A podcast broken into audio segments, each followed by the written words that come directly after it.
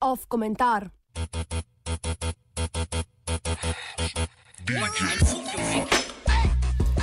Petdeset odtenkov rdeče.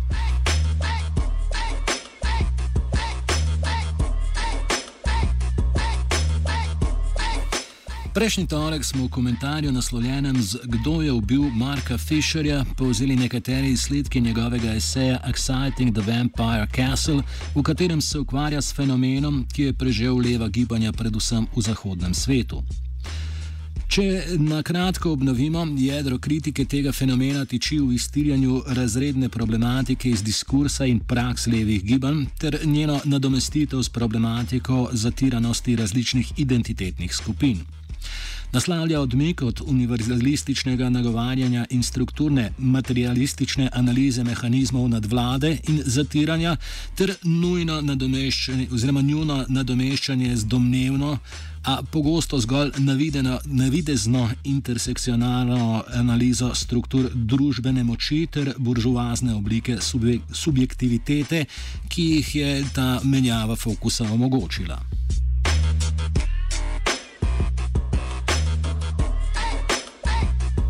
V anglosaškem svetu in tamkajšnjih gibanjih, ki so predmet Fisherjeve kritike, se ta fenomen v praksi pojavlja kot strogo hierarhiziranje pravice do naslavljanja problematik posameznih identitetnih skupin, namreč v smislu, če si X, ne moreš govoriti o Y problematiki.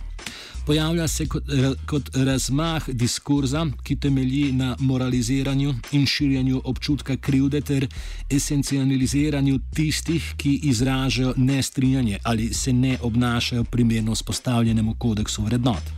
Akterjem, ki s tem diskurzom operirajo, pa fenomen skoraj čarobno omogoča prikrivanje lastne, predvsem razredne privilegiranosti. Tragikomičnost teh praks je zlahka mogoče zapaziti, da nima v progresivnih študentskih gibanjih in organizacijah na kampusih zasebnih univerz v Združenih državah Amerike, kjer je lahko škandalozno že to, da se moški okliče za feminista, namesto za podpornika feminizma. Obenem na isti fakulteti pripadniki lokalne alt-right celice poskusijo defenestrirati najbolj radikalno levega profesorja, ki ga v zadnjem trenutku rešijo varnostniki. Primer ni hipotetičen.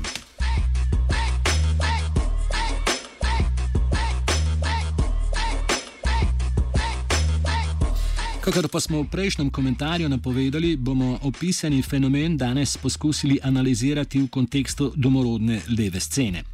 Verjetno ni brezpredmetno upozoriti na nekoliko drugačen teren dogajanja. Slovenska družba je precej manj etnično raznolika kot denimo britanska ali ameriška. Dediščina samoupravnega socializma, čeprav krhajoča, v smislu javnega šolstva, zdravstva ter pravic žensk, kljub vsemu še vzdržuje nekatere norme, ki so v anglosaškem svetu še vedno predmet boja. Da lahko pridemo do izsledkov analognih situacij naše levice, se moramo problematiki lotiti historično.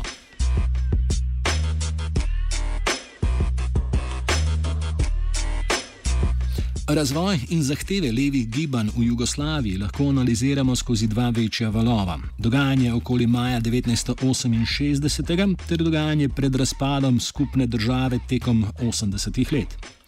Oba valova sta skušala artikulirati levo kritiko zgodovinskega poskusa vzpostavitve socialistične države, ki je vsaj deklarativno strmela k odpravi razrednih delitev.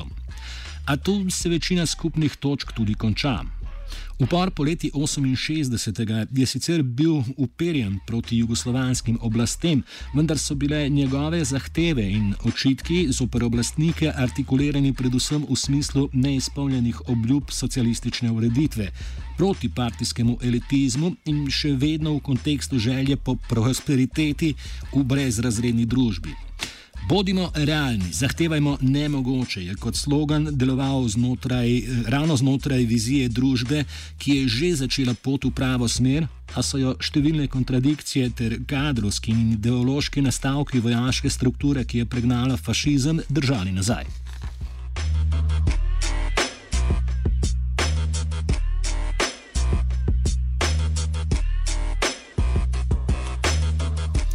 80-ih je artikulacija leve kritike slonila že na precej drugačni osnovi.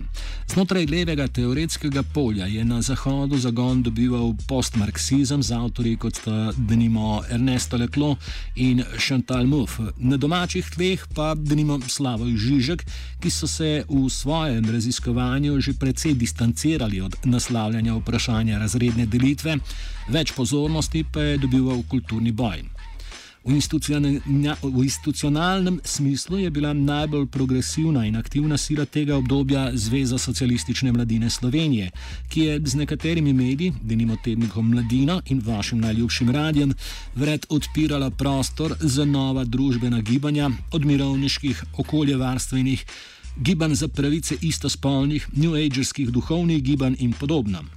Veliko pozornosti so posvetili tudi domnevno transgresivnim kulturnim oblikam, naprimer punku, dejavnosti kolektiva Noe Sloveniše Kunst, performativnim umetniškim praksam in drugim oblikam kulturne liberalizacije jugoslovanske družbe.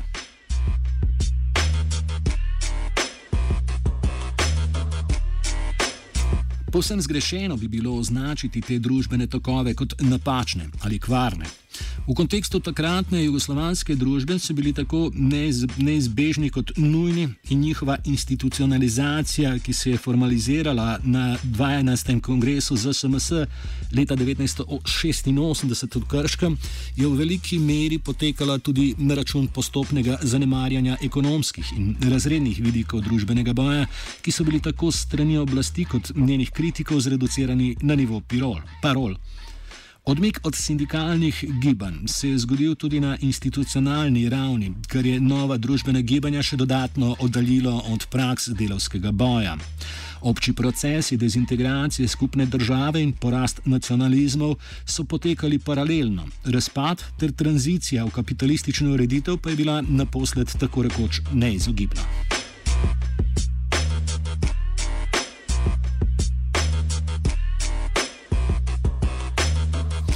Tranzicija in kadrovski pretok velikega števila članov ZSMS v stranko Liberalna demokracija Slovenije je za seboj povlekla tudi večino praks, ki so bile vzpostavljene v 80-ih letih. Sedaj pa so bile te rešene ekonomskih okovov samopravnega socializma.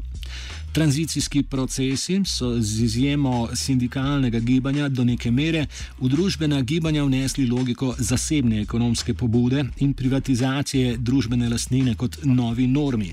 Znotraj večstrankarskega sistema pa se gibanja niso več čutila poklicana biti boj za oblast, temveč predvsem za legitimacijo strani vsakokratne oblasti. Kulturni boj je postal praktično edina oblika diferencijacije vladnih strank, morda stopni pripravljenosti za popolno ekonomsko liberalizacijo. Tako se denimo levičarstvo socialnih demokratov kaže predvsem v tem, da se hodijo kazati na partizanske proslave in so za rdečo zvezdo, ob tem pa predsednik njihovega podmladka brez težav retvitne hvalnico Johnu McCainu, ki jo je spisal George Soros. Kaj drugega pa gre pričakovati od stranke nastale iz najbolj povprečnih kadrov razpadajoče jugoslovanske partije.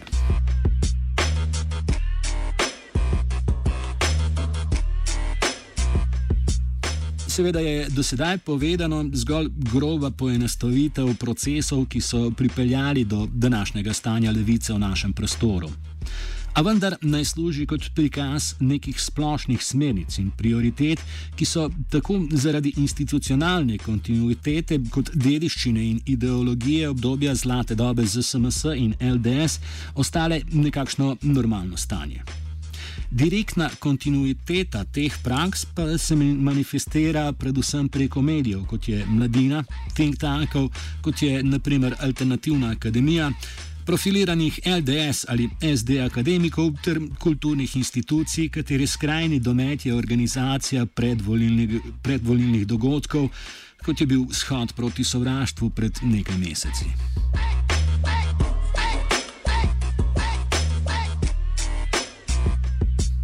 V tem kontekstu so tudi jasno vidni kulturni vplivi ameriških liberalcev, ki bi vse reševali z ljubeznijo. Vse veste, love trumps hate identitetno zborovanje brez primere in tudi brez kakršne koli moči.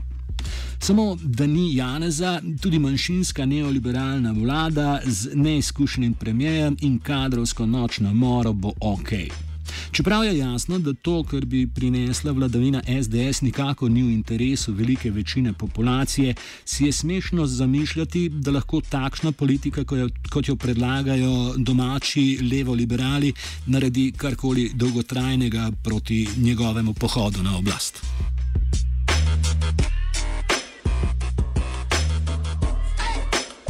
Pa da ne pozabimo na akterje stranke Levica. Zaključimo še zgodbo izpred nekaj let, ko slednja še ni bila združena. V času po prvem preboju parlament je bil med levičarsko zagretim delom mladih precejšen interes po učlanitvi v inicijativo za demokratični socializem. Takrat so namreč še obstajali upi, da bo šlo za kaj drugega kot malo bolj rdeč odtenek stranke socialnih demokratov. V Facebook skupini, namenjeni komunikaciji med različnimi levimi organizacijami, je prišlo do kritike stališča, ki ga je Mateš, Matjaš Hanžek, takrat še poslanec, zauzel v državnem zboru.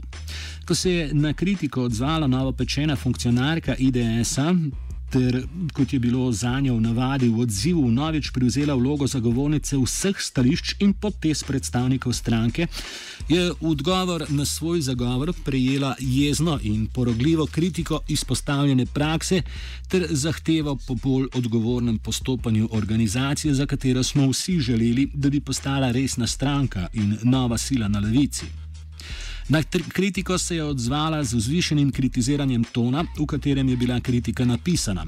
Na samo vsebino odgovora ni bilo. Spletno prepucavanjem se je na to še malce nadaljevalo brez osebnih želitev. Banalno, mar ne?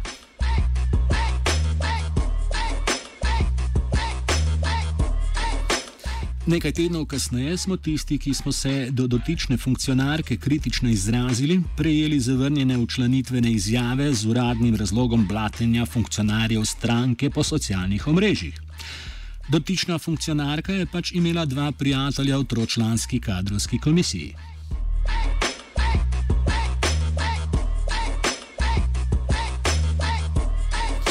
V resnici mora avtor dotični funkcionarki izreči zahvalo, saj mu je bila s tem prikrajšana travma tega, kar se je stranko Levica zgodilo v času pred in po njeni združitvi. Ta zdaj že bivša funkcionarka se danes v medijih pojavlja kot direktorica Ljubljanskega feminističnega inštituta. Med komentiranjem izida volitev na RTV je izjavila: Ženskam se v politiki očitno odpre prostor šele takrat, ko je izid tekme že jasno. Vseeno pa ne smemo analize zreducirati na golo preštevanje. Pomembno je, kakšno politiko te ženske izvajajo. Ja, še kako resnično.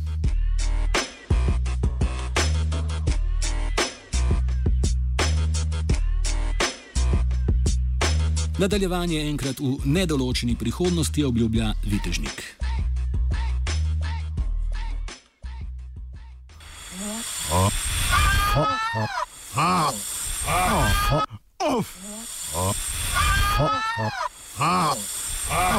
Off komentar.